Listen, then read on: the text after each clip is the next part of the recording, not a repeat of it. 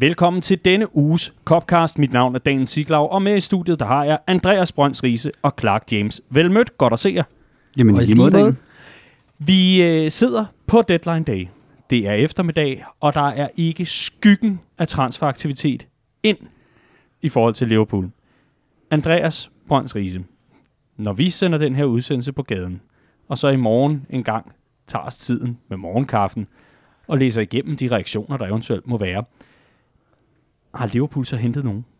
Altså, jeg forstår ikke, hvorfor vi stadig snakker om det her. Har I ikke set, at helt tilfældigt lige i dag, der har Henderson skrevet under på en ny kontrakt? Og det er jo ligesom en ny signing. Så Liverpool har faktisk hentet helt vildt mange, man lidt havde i forvejen. Ja. Ja, Men synes du ikke også, de er meget gode, eller hvad? jo jo, jo, jo. Og, og nu, nu, nu kan jeg ikke lide Liverpool. Jeg kan, godt, jeg kan allerede mærke, hvor din argumentation den er på vej hen. Men Liverpool kommer ikke til at hente noget. Det, det, det ved vi ikke. Altså, det er jo det, der er så sindssygt i øjeblikket, at øh, i, i de sidste par transfervinduer, der er det kommet ud af det blå, hvis det er kommet, ikke? Og, og det er jo det, man sådan sidder og håber, det gør jeg i hvert fald personligt, jeg sidder og håber lidt på, at der sker et eller andet ud af det blå, for jeg synes, vi har brug for noget, Ja. noget nyt op foran. Men vi sad jo faktisk og snakkede om, at vi ville lave, øh, lave to udsendelser i dag, så vi ligesom var sikret, at hvis der bliver hentet noget, så, så bliver det en lidt anden oplevelse på bagkant. Men vi er jo nødt til at tage udgangspunkt Ja. i, hvordan det ser ud nu, og lige nu, der peger det ikke i retning af, at Ja. Liverpool henter noget. Vi lavede en udmelding både på vores øh, Facebook-side og øh, på vores Twitter-profil, hvor vi netop skrev ud, at øh, vi ventede altså til transfervinduet var lukket ned, og vi havde fuld overblik over øh, situationen i omkring Liverpool, og så ville vi ellers lave podcast. Og så så vi egentlig på hinanden, og så tænkte vi, nej, det gider vi simpelthen ikke vente på. Lad os øh, fortælle det en masse om Chelsea-kampen og alle de andre ting, vi kan diskutere her i øh, den her uges udgave af Copcast. Og vi skal nok komme til det, for der er breaking news i Rises managerkarriere, men det kommer vi til lidt senere. Inden da, der vil jeg gøre dig, kære lytter, opmærksom på, at vi har fundet nye datoer til Boss Tour Danmark. Og det er altså vores helt store Liverpool-fest. Årets største Liverpool-fest, kan vi godt garantere, i Aarhus og København. Det bliver den 15. og den 16. oktober. Og øh, den 15. oktober, der finder det altså sted i Aarhus på legendariske Coupé, og øh, dørene åbner kl. 17, cirka deromkring. Og der vil altså være masser af underholdning, opvarmningsband, Carlsberg Liverpool FC Legends Show, og så selvfølgelig hovedattraktionen Boss Night med Jamie Webster og crew.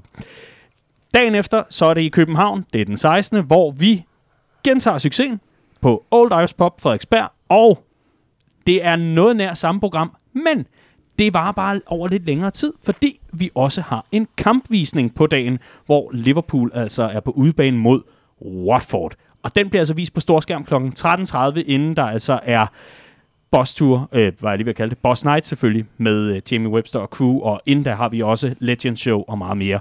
Det er altså de to datoer, vi har fundet, den 15. og den 16. oktober.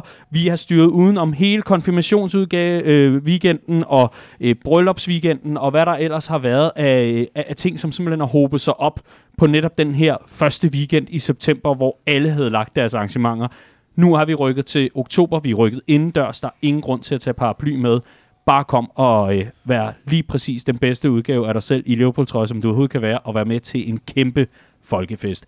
Du kan købe din billet til Boss Tour Danmark. Det kan du inde på redmanfamily.dk-boss. Hvis du er medlem af Redman Family, så er der altså gode penge at spare. Medlemsbilletter bliver nemlig solgt for 175 kroner, mens almindelige billetter de går til 250 kroner. Har man lyst til at få en weekend, man sent kommer til at glemme, og har lyst til at være med til begge boss arrangementer, jamen så kan man købe turpas, og det kan man gøre for 400 kroner. Har man ikke mulighed, netop fordi der lige præcis er en snollet eller åndssvag konfirmation eller fødselsdag eller andet, der har meldt sig på banen, så kan man også købe en støttebillet og dermed være med til at bakke op om arrangementet og være med til at sørge for, at vi også kan lave det samme næste år. Det glæder vi os rigtig meget til. Og så er det altså også øh, i øh, september måned, nu er det oktober det her, men i september måned, der øh, er alle restriktioner jo væk. I Danmark, der er det altså fuld fuldstændig, jamen Riese, det bliver jo, øh, hvad, hvad hedder sådan noget, anarki, øh, og det bliver jo fuldstændig bindegalt. Så det bliver lige præcis, som vi havde forestillet os, eller håbet på i hvert fald, at man kan stå tæt sammen, man kan synge sammen, og man kan feste sammen. Vi glæder os rigtig, rigtig meget. Men altså, Boss Night og Boss Tour Danmark, det kan du altså købe billet til ind på redmanfamily.dk-boss. Tusind tak til øh, vores afdeling i Aarhus, som øh, har knoklet for at få landet en location til øh, Aarhus arrangementet. Det er vi rigtig glade for. Coupé, det bliver sjovt. Og så er altså også en stor tak til vores samarbejdspartnere Carlsberg og The Old Ice Pop i, øh, i den her sammenhæng, som altså har stillet sig hjælpende til rådighed med at få landet de sidste aftaler og ja, hvad vi ellers har. Er jeg den eneste, der glæder mig til at stå og danse og synge og hygge mig blandt medfans i alle de her forskellige udgaver af, af, af spilletrøjer, altså hjemmebane, udebane og tredje trøjer med Kylian Mbappé på ryggen. Og er jeg den eneste? Det er vildt, vi lige fik ham på deadline day. Altså. Er det den udsendelse, vi laver nu? ja, okay, okay, okay. Ja, det, det var sørme en overraskelse jo, men den tager vi senere i udsendelsen. Men inden da, så skal vi altså lige forbi. Øh, indbakken er jo blevet bestormet af danske Reds, der øh, nærmest er mere interesseret i, hvordan det går dig, Andreas Brønds Riese. For vi skal forbi øh, frem til Liverpool. Ja, og til nye lyttere kan vi sige, at vi snakker om et FM-spil, hvor jeg skulle starte BK frem, og så skulle jeg øh, arbejde mig op gennem managerverdenen og ende i øh, Liverpool. Og, øh, og sidst der var jeg nået til Arminia Bielefeld i anden Bundesliga, øh, og havde besluttet mig for at færdiggøre min kontrakt der, og så skulle vi mod Liverpool. Og så sagde Daniel, øh, sagde Clark, hvad gør du så, hvis Liverpool kommer inden de fem år er gået? Og det anså jeg for at være meget usandsynligt. Men lo and behold, en sæson i Bundesligaen, hvor jeg kvalificerede øh, Tyskland Norwich til øh, Europa League, og så stod John Henry med kontrakt øh, tilbud til mig. Han kunne bare godt lide det lønbudget, jeg ligesom kan præstere på. øhm, så ja, jeg nåede simpelthen til øh, Liverpool i år 2026. Øh, intet mindre. Mm. Øh, og det er, det er en ganske kort opdatering. Jeg er ikke rigtig kommet i gang med sæsonen endnu. Øh, men jeg har lavet en Brendan Rodgers. Øh, det, det har hele tiden, hele spørgsmålet var hele tiden, om jeg ligesom havde stort nok navn til at holde styr på det omklædningsrum. Øh, og der er rigtig mange af dem, vi kender. Øh, der er i Liverpool i dag, der stadigvæk er i Liverpool i 2026, ifølge Football Manager. Men jeg valgte jo selvfølgelig, øh, fordi som Clark ved, så øh, jeg hader ham, øh, at sælge Naby Keita. Øh, det blev Sadio Mane sur over, fordi det var hans bedste ven. Nej! så måtte jeg give øh, Sadio Mane en transfer. Så kom øh, Firmino og sagde, at han godt ville have nye øh, udfordringer. Og så blev Van Dijk sur over, at jeg solgte øh, Firmino. Så der er simpelthen øh, oprør i øh, omklædningsrummet i øh, Liverpool. Jeg er udsat for den øh, værste omgang player power, jeg er nogensinde været udsat for i FN, tror jeg. Du sagde ikke bare steady til dem?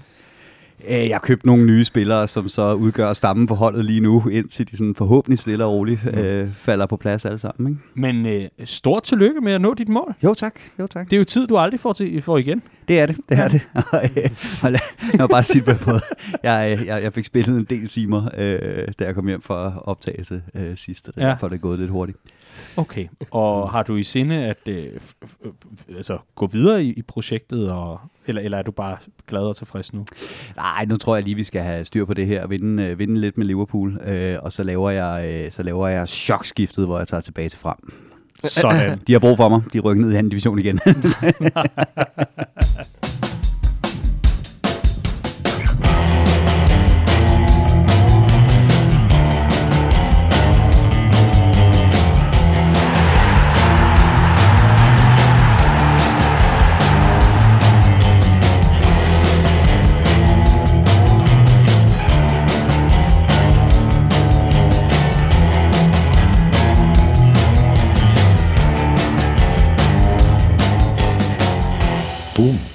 Lørdag var der topkamp på Anfield, da Chelsea kom på besøg. Og gutter, jeg skulle øh, hilse.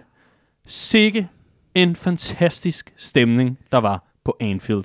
Og det startede altså allerede ved trapperne, hvor sangene de gallede gennem hele stadion. Der var ikke en millimeter omkring den beton og hvad der ellers er bygget med omkring Anfield, som ikke rungede af Liverpool sangen inden kickoff. Det var virkelig, virkelig, virkelig elektrisk.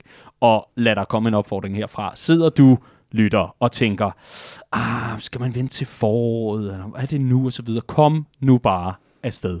Det er lige præcis der, hvor alle brækkerne og tristessen og øh, depressionerne og stressen og hvad vi ellers har haft med European Super League og FSG, der øh, hellere vil sælge end at købe noget, og alt det, man sådan også er lidt irriteret over i forhold til det at være Liverpool-fan, selvom det jo i bund og grund gik det hele i sidste sæson, men den her halvanden, det halvandet års nedlukning, som jo har været i forhold til at kunne komme afsted og så videre, alt giver mening, alt falder på plads, og man finder lige pludselig ud af, at det var jo lige præcis det, der var meningen med det hele. Så lad det være en kæmpe, kæmpe opfordring herfra. Men Vi skal selvfølgelig også tale om kampen og det spilmæssige, og vi skal jo tale om et opgør, Riese, hvor det jo virkelig var den defensive organisation, der efterfølgende kunne trække overskrifterne.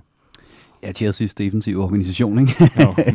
jo, og det, altså, jeg synes, det er en svær kamp, fordi øh, jeg synes egentlig, at første halvleg bliver spillet i et ganske fornuftigt tempo. Jeg synes, det var en virkelig god fodboldkamp. Jeg synes, man godt kunne se, at Liverpool øh, havde lidt problemer med at finde øh, rytmen igen efter Chelsea's chokscoring, som jeg synes, man godt kan, øh, kan karakterisere det som. Øh, men jeg synes faktisk, vi fik en virkelig, virkelig god fodboldkamp i første halvleg mellem to virkelig gode fodboldhold. Og så kommer det her straffespark, det her røde kort, også sådan lidt øh, ud af ingenting. Øhm, og så bliver anden halvleg bare noget med, at et hold med virkelig dygtige defensive spillere, som er blevet drillet af forskellige managers øh, igennem øh, de sidste mange år i at kunne stå godt defensivt. De får en undskyldning, skulle jeg til at sige, for at stille sig ned med, øh, med ni mand i eget felt. Øh, og jeg er faktisk, øh, jeg ved godt, det lyder mærkeligt, men jeg er ikke sikker på, at det gjorde Liverpools vinderchancer nogle tjenester at de fik lov til at gøre det. Øh, mm. det derfra, der stod der, der stod der 1-1 malet ud over den kamp med meget store bogstaver, og sådan endte det så også. Mm. Er det kun Chelseas uh, defensive organisation, vi kan rose efter opgøret, Clark? Fordi fra der, hvor jeg var på stadion, der synes jeg jo egentlig, det, det lod til, at både Matip og Van Dijk havde godt styr på uh, den uh, trussel, der kom fra Chelsea. Øh, nej, jeg synes også, Liverpool fortjener ros, især fordi det var den store test øh, øh efter de, de lange skadespauser til dem begge to nede bag i. Øh, men jeg synes, at Joel Matip var længe om at komme i gang. Jeg synes, han startede skidt, og jeg synes, han startede skidt sammen med en stamme op gennem midtbanen, der havde svært ved at få fat i kampen. Fabinho, Henderson. Øh, jeg synes, at vi, vi gav for meget væk på den del af banen, og jeg tror, at havde vi haft 10-15% mere skarphed der, så var vi også kommet foran i den kamp. Øh, så så øh, jeg synes, de var længere om at komme op i omdrejninger, men jeg synes, da han fik fat med tip, der sad han på det hele, og, og, og var også skarp i, øh, i, i det fysiske, fysiske spil over for Lukaku. Øhm, og så Van Dijk, øhm, som, jeg tror, det er den, det, det, det er den, jeg ligesom det er en positiv overskrift, jeg tager med mig for den her kamp. Det er, at jeg føler, at, at han bestod den øh, store prøve, det var, om han er tilbage og kan håndtere mm. øh, en af verdens absolut bedste angriber lige nu, som er i, i, i fremragende form og har, har, ligesom har ramt øh, jorden løbende efter sit skifte til England øh, i, i, i Lukaku. Ikke? Så jeg synes, der var nogle positive at tage den vej rundt, men det er klart, at Chelsea, der forsvarer sig med, med, med 10 mand i 45 minutter på Anfield, uden at indkassere en åben målchance, det er jo det er, jo, det er jo dem, der ligesom løber med, med, med, med, med ja, hvad kan man sige, mm. med flest øh, positiver øh, fra, fra den topkamp. Mm. Hvis vi øh, tager øh, den debat til sidst, så kunne jeg egentlig godt tænke mig lige øh, at rykke ind på midtbanen inden da, øh, inden vi begynder at tale om Liverpools offensiv, eller mangel på samme i, øh, i kampen. Men det er mest af alt fordi, Ries, at øh, Harvey Elliott jo øh, var lidt af en baller. Det var i hvert fald det, vi blev enige om rundt omkring øh, i ølkøerne, og, og jeg skal ellers øh, komme efter dig. Sikke en indsats af så ung en spiller. Jamen det synes jeg. Øh, jeg ved godt, at øh, der var lidt på den sidste tredjedel, altså når vi virkelig havde brug for, for, for dåseåbneren, så at sige. Øh, der tog han også enkelte forkerte beslutninger og, og viste, at han trods alt også bare er, er 18 år. Øh, men jeg synes helt klart, at når man kigger på den her kamp, så synes jeg også, at en af overskrifterne er, at, at som Clark siger, vi havde lidt svært ved at få, få, øh, få hold om det til at starte med. Og jeg synes også, det var tydeligt, at vi havde en række spillere, som lige er kommet tilbage fra skade. Altså en Henderson og en Fabinho og en Robbo, som heller ikke var god. øh, som man må forvente bliver bedre med, øh, med kamprytme. Øhm, og i det selskab, der synes jeg ikke, der var nogen tvivl om, at, at Harvey Elliott i hvert fald var bedste mand på midtbanen for, øh, for, for Liverpool.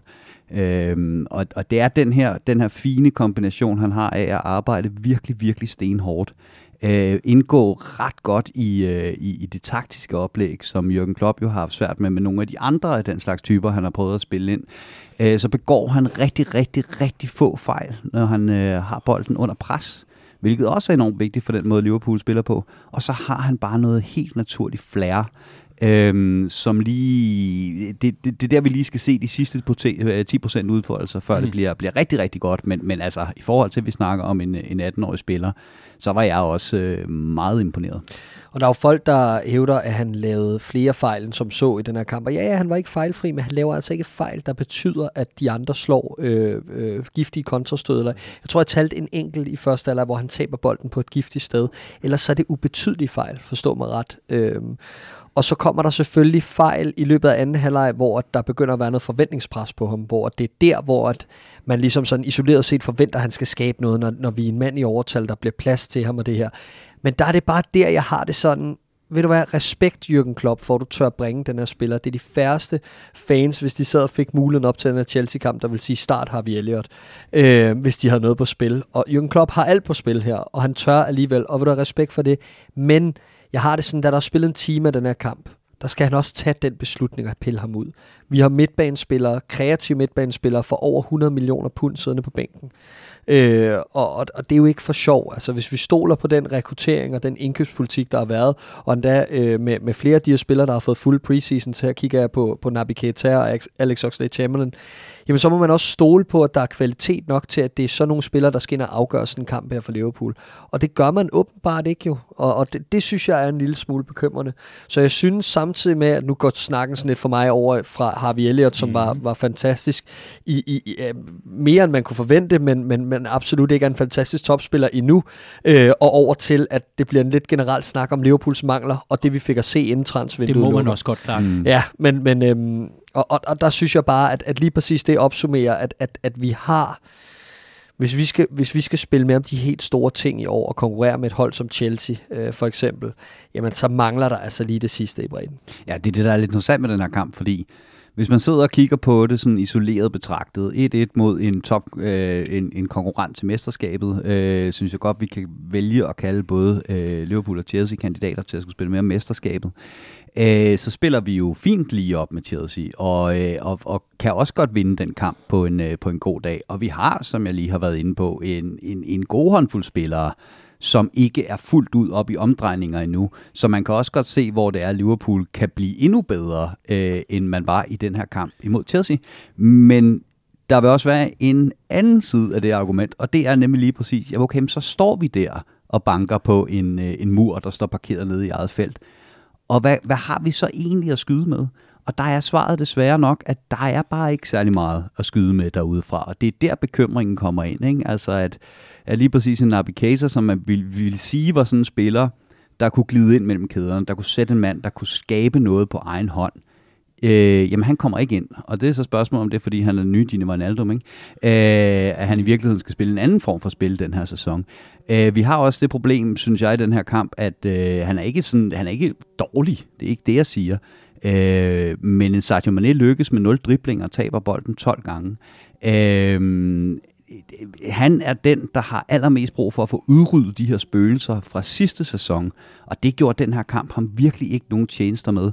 Og der kunne jeg dele med godt tænke mig, at der sad en ude på bænken. Det kunne jo så have været Shota, hvis ikke han var blevet sendt i spil på grund af Feminos skade. Men hvor man ligesom tænker, nu kan vi i hvert fald bringe noget andet.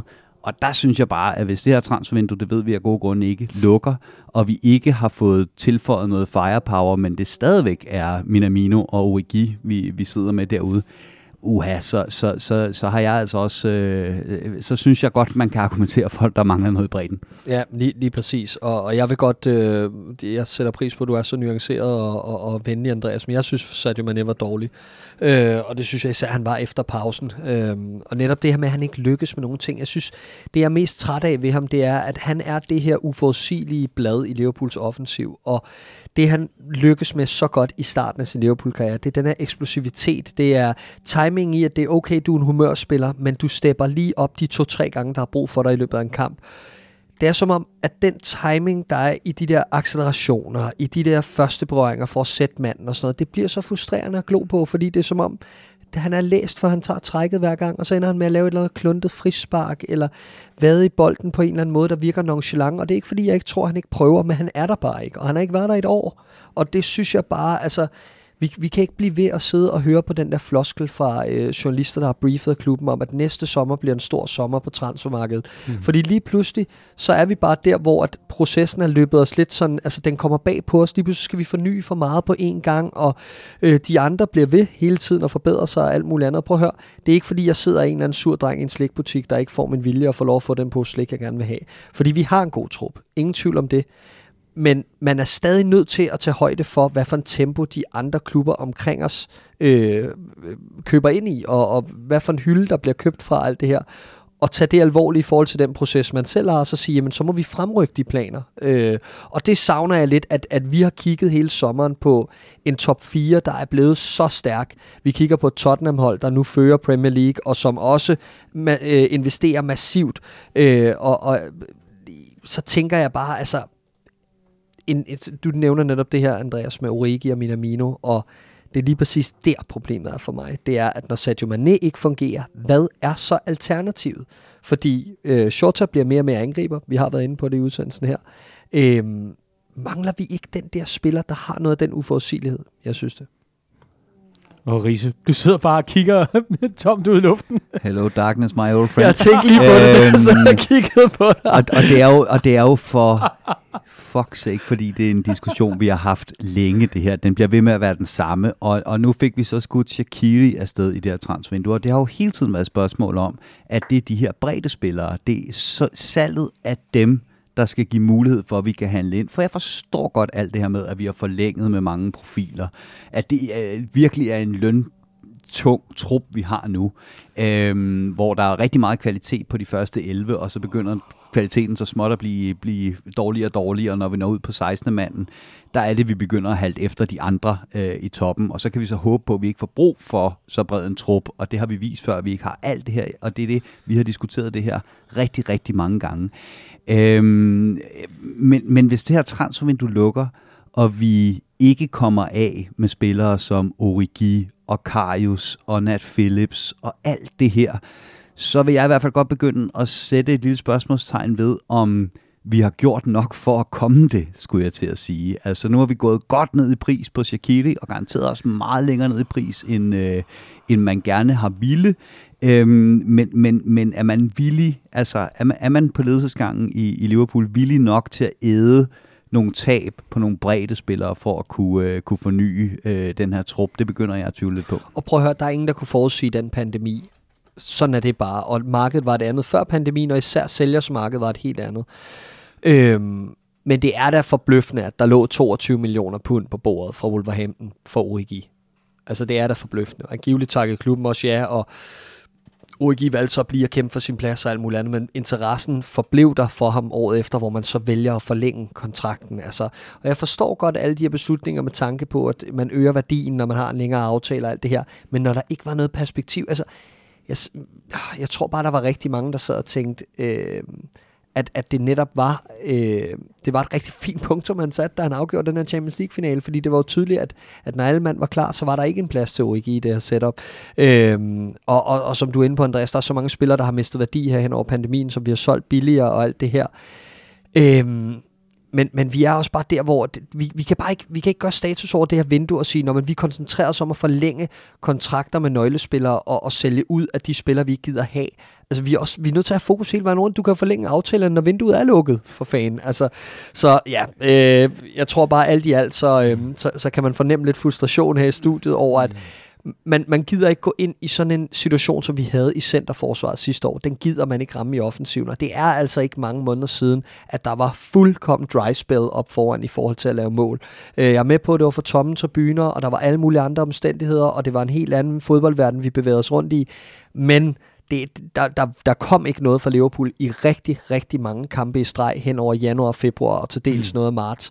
Og det gider vi ikke ind i igen, og derfor vil vi gerne se næste skridt i denne her, øh, ja, hvad kalder man, generationsskifte offensivt. Og der sidder sikkert nogen derude, der har meget mere forstand på økonomi end mig, og råber og skriger og hiver sig i håret og siger, kan I ikke forstå, at de spillere, vi har solgt, dem har vi solgt på afbetaling, hvor betalingen først falder senere. Når man sælger spillere fra store klubber, så ser man ofte, at man skal betale deres løn ud. Altså øh, United betaler, så vidt jeg ved, stadigvæk løn til Alexis Sanchez, selvom han skiftede. Ikke? Og alle de her ting, det forstår jeg for så vidt godt. Men så tag det her, øh, hvis du ved mere, end jeg gør, og det gør du utvivlsomt. Så bare som et opråb fra en frustreret fan, der kigger på de andre klubber og tænker, hvis de ikke er på kant med FFP, hvor, hvorfor skulle vi så være det, hvis vi vælger at gå ud og sige, jamen så køber vi en spiller, som vi ikke har råd til lige nu, men hvor vi kan se over de næste to-tre år, det får vi. Men jeg tror, måske, nu, nu taler du til den, der er meget klogere end os, på, især på økonomi, og som øh, også lyder som om, har, vedkommende har en doktorgrad, måske i, øh, i området, men, men, øh, eller på området, men, men der sidder nok også en fan eller to, jeg tror måske 20, Riese, der siger FFP, hvad fanden snakker ja, du om? Præcis. Den er der død og borte. Den, og det er det, jeg siger. Det, jeg kan idé. ikke få det til at passe, Nej. at vi skulle være på kant med den. Jeg sidder med en, øh, en oversigt inden fra, øh, jeg tror næsten, det må være transfermarkt.com. Øhm, og den øh, viser øh, udgifter, altså brugt på transfers, og øh, hvad man så har tjent på, øh, på transfers. Og det er siden Liverpool vandt Champions League tilbage i øh, ja, start sommer, slut forår øh, 2019. Og i forhold til, hvem der har brugt flest penge, der er Liverpool på den her liste på en 16. plads. Og øh, under os finder vi lige præcis Burnley, Southampton FC og Manchester Uniteds U18-hold, øh, kan man så se. Og ellers ligger vi helt nede på en 16. plads. Men, men det er mest af alt for ligesom at, at vise billedet af, at dem, der ligger over os, de har vidderligt brugt markant flere penge end os. Men Riese, jeg, jeg synes bare ikke, det lyder som om på Liverpools fanbase, eller på jer her i studiet, at vi kræver de helt dyre drenge nødvendigvis. Vi kræver bare, at vi ikke skal ud i en ny omgang. Hej med dig fra uholdet. Skulle du ikke til at prøve at spille fra start i Liverpool, fordi vi har skadeskrise? Jamen 100 procent, altså jeg er, også, jeg er også helt med på, at vi har købt en spiller til 50 millioner pund i det her øh, vindue øh, i, i, i Konate, ikke? 35, ikke? 35, og så med lidt add-ons og så videre, ikke? Øh, en, en dyr spiller, lad os, bare, mm. lad os bare kalde det, og som lukkede det alt overskyggende hul, øh, der var i, i Liverpool i sidste sæson. På den måde, fint nok, ja ja, glimrende. Men, men som jeg har været inde på, altså det er jo, det er jo sådan set ikke øh, Sancho og Mbappe og alt det her, som jeg kigger sådan misundeligt imod, det er den nye Shota. Altså det er den, vi ramte så perfekt lige i røven og har haft så stor held med at gøre så mange gange, at jeg sidder og tænker, hvor bliver, hvor bliver den spiller af, som kommer ind og overrasker os alle sammen, og som vi tidligere har haft det her guldøje i forhold til at, øh, at kunne finde. Mm. Men, men, men hvis, hvis vi kigger på, på de udgifter, altså det er jo, det er jo heller ikke nødvendigvis øh, et, et spil, der handler om at bruge flest penge, og, og vi har da også, må, må jeg da øh, øh, hilse at sige, i hvert fald i fanbasen, og også her i studiet, kippet med flaget om, at vi ikke var ligesom de andre på det her område, og, og så, så kan man så tænke om, om det, hvad man vil, men, men, men, men faktum er jo bare, at, at det begynder at lugte lidt mere af i Liverpools situation. Nu har vi bare blendet Chelsea og transfer og generelt snak ind i, i hinanden, det tror jeg ikke øh, gør så meget for nogen, men, men, men vi ser på situationen, situationen i Liverpool, hvor Jürgen Klopp har kontraktudløb i sommeren 2024, og her den anden dag, faktisk i går, der kom The Athletic med James Pierce. Det er en historie, der har været lidt undervejs et par dage, men historien om, at Michael Edwards er på vej ud af klubben og forlader formentlig Liverpool efter den her sæson. Intet er på plads endnu. Man prøver stadigvæk at få ham til at blive, men man er egentlig forberedt på, at han er på vej ud det, det lyder lidt som om, man skal i gang med en ny fase i Liverpool i forhold til også rekruttering og så videre. Og så mit spørgsmål bare til jer, hvis det så betyder i forhold til Liverpools, øh, Liverpools planer om, om rekruttering og, og, den, og den fremtid, der skal ligge, altså, at, vil det så ikke være en idé at få garderet sig nu, synes så at aftageren for for eksempel Jürgen Klopp og den nye sportsdirektør, der kommer ind, Julian Ward, som er lige nu, han er assisterende, han forventes at træde op på Michael Edwards plads, at, at de havde en stærk stamme at gå ud fra, og ikke en stamme, som var så afhængig af, at det er en Jürgen Klopp for eksempel, der står i spidsen. Jo, men jeg tror også, det er det, man forsøger at gøre med, med kontraktforlængelserne nu her til en masse nøglespillere. Det er jo ikke kun de etablerede navne, det er også flere unge, mm. unge spillere, der har fået øh, nye lange kontrakter her blandt Trent Alexander-Arnold og men, Harvey, Men er det nok gardering? Nej, men det synes jeg ikke, det er, men jeg tror heller ikke, det, man kan ikke, øh, jeg tror, der er så meget, vi ikke ved omkring det her. Man skal passe på med at, med at close for meget omkring øh, øh 1 plus 1 er 2 i den her henseende, i forhold til, at der bliver også lagt noget arbejde nu frem mod slutningen af næste sæson, hvor at Michael Edwards er en, er en del af planlægningen. Øh, og det tænker jeg bestemt omhandler nye signings også, mm. og det næste kul af spillere, der skal ind. Så jeg tror ikke, men, men og jeg tror også, jeg tror også strukturen i en, i en veldreven klub som Liverpool, som vi jo er over de sidste mange år, det hører også med, er så stærk, så den ikke nødvendigvis binder sig op på, at det er Michael Edwards, der sidder i den position. Mm. Jeg tror, der er rigtig meget af firmaets folk i gåsøjne, øh, eller rigtig mange af dem, der er en etableret del af det setup, vi har i Liverpool. Så jeg er ikke, jeg er ikke nødvendigvis så, så bekymret, som jeg måske burde være, ifølge mange andre, øh, på den del. Men jeg vil bare sige, bare lige nu, hvor vi sidder med den her oversigt, du fandt frem mm. fra Transfermarkt over, øh, over det her med netspend over de sidste, ja, siden vi vandt Champions League mm. i 19, at det er nemlig ikke øh, lige med succes og bruge mange penge. Altså det er altså mange klubber, der har haft brug for det, der ligger i toppen, og også mange klubber, der ikke lige frem har rykket sig særlig meget, og ikke nødvendigvis den rigtige vej heller.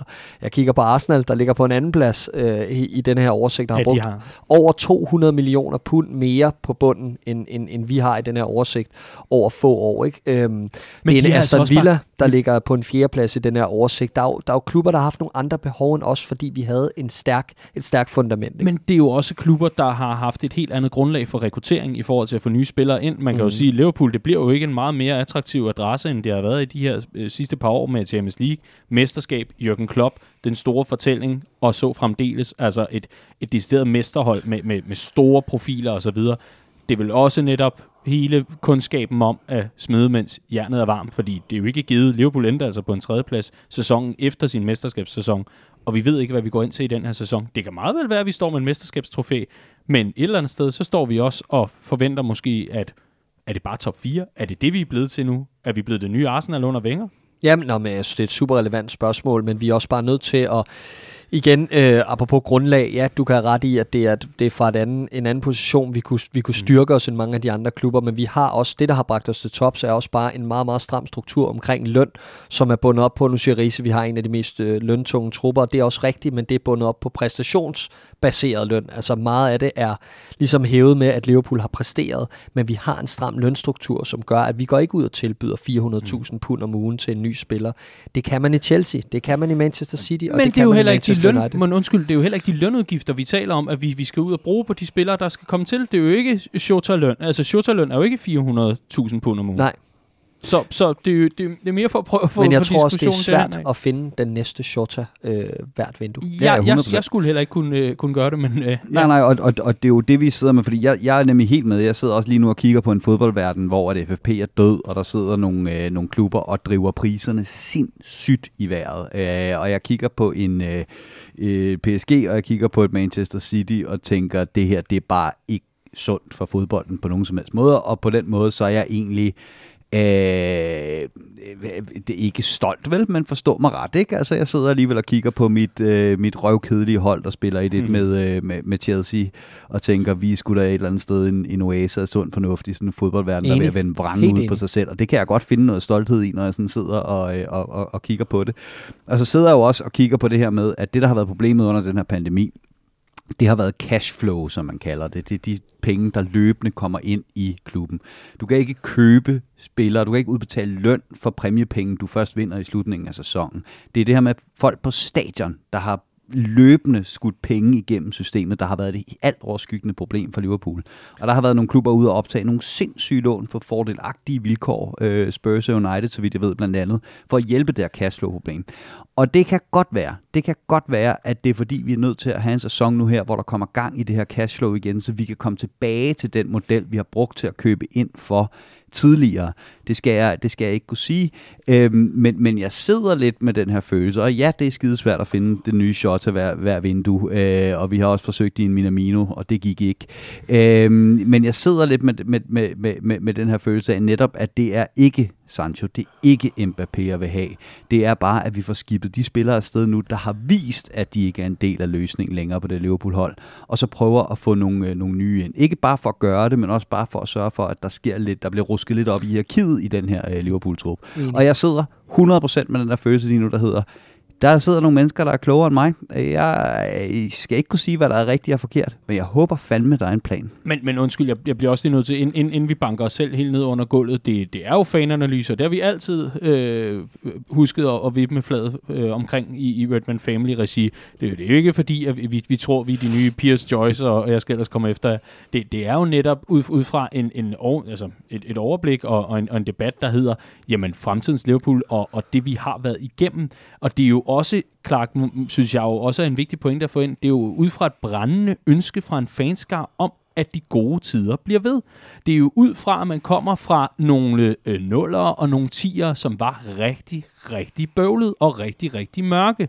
Og det er jo netop den her, tror jeg, frygt for, at de gamle mørke dage, hello, darkness, apropos, de vender tilbage der vil ja. jeg så også bare lige sige, at i de mørke, mørke dage, der solgte Liverpool hver sæson deres bedste spillere. Det var ja. et mirakel, at vi kunne holde på Steven Gerrard, og hvis han var smuttet i nullerne, så var vi rykket ned.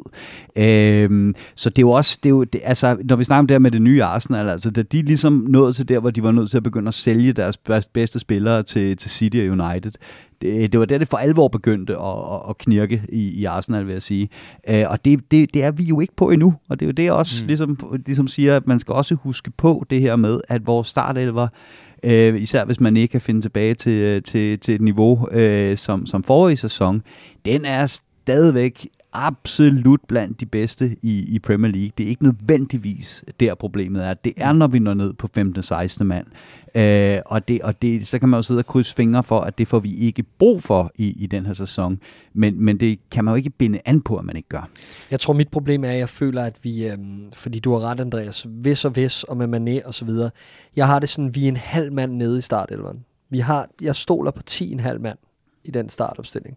Fordi Firmino er dalet niveau, og så kommer Shota lidt ind, og vi ved ikke rigtigt, fordi så bliver han alligevel ikke rigtig valgt, når det er de rigtig store kampe. Så det er stadig Firmino, man betror sig til fra Klopps side. Øh, og Mané har ikke præsteret et år, altså kontinuerligt, det føler jeg ikke. Så der er sådan, der er en halv til en hel spiller, der, der hænger lidt i bremsen der. Og det er det, jeg synes, der gør det tricky. Fordi vi forventer jo nemlig ikke rigtigt, at man går ud og forbedrer startelveren lige nu, men jeg forventer, at man går ud og finder den, der potentielt kan blive fremtiden på en af de offensive positioner, og identificere det nu, fordi jeg tror sagtens, at det i løbet af sæsonen kunne blive et problem. Og, mm. og, og så vil det altså være noget lort, at man har valgt at sige, at vi venter til næste sommer. Og det er der, hvor den sådan falder lidt ned mellem to stole for mig, det er, at det, det er ikke nødvendigvis øh, lige nu, men det er heller ikke nødvendigvis næste sommer. Det kan være lige om lidt. Og det er det, det, jeg synes, der gør det lidt farligt. Altså, jeg har set mange Liverpool-fans på Twitter øh, bede om Adama Traoré. Og det er jo et meget godt eksempel på, at det er jo ikke gode spillere, vi vil have. Det er bare nogle spillere. Ja, men, men jeg, er ikke, jeg er ikke enig, Andreas. Jeg er ikke enig. Der kom den gamle traver frem. Åh, oh, hyggeligt. Clark, øh, hvis Liverpool gik ud og smed 50 millioner pund for Adama Traoré, vil du være tilfreds? Du spørger mig på deadline day. Der er 6 timer til deadline. Og, ah, men det er så sjovt. Og, og tidligere, dag, tidligere dag på kontoret, så sidder, øh, så sidder vores, vores kammerat, der er i gang med at dække øh, transfer deadline day intensivt og minutiøst. Og så siger han, breaking! Og så kan jeg bare se Clark, han vågner på den anden side af skrivebordet. Hvad? Hvad? Breaking! Andy Carroll til Reading. og så så Clark, der bare banker hovedet ned i bordet og siger, hvorfor er det ikke os, der henter ham?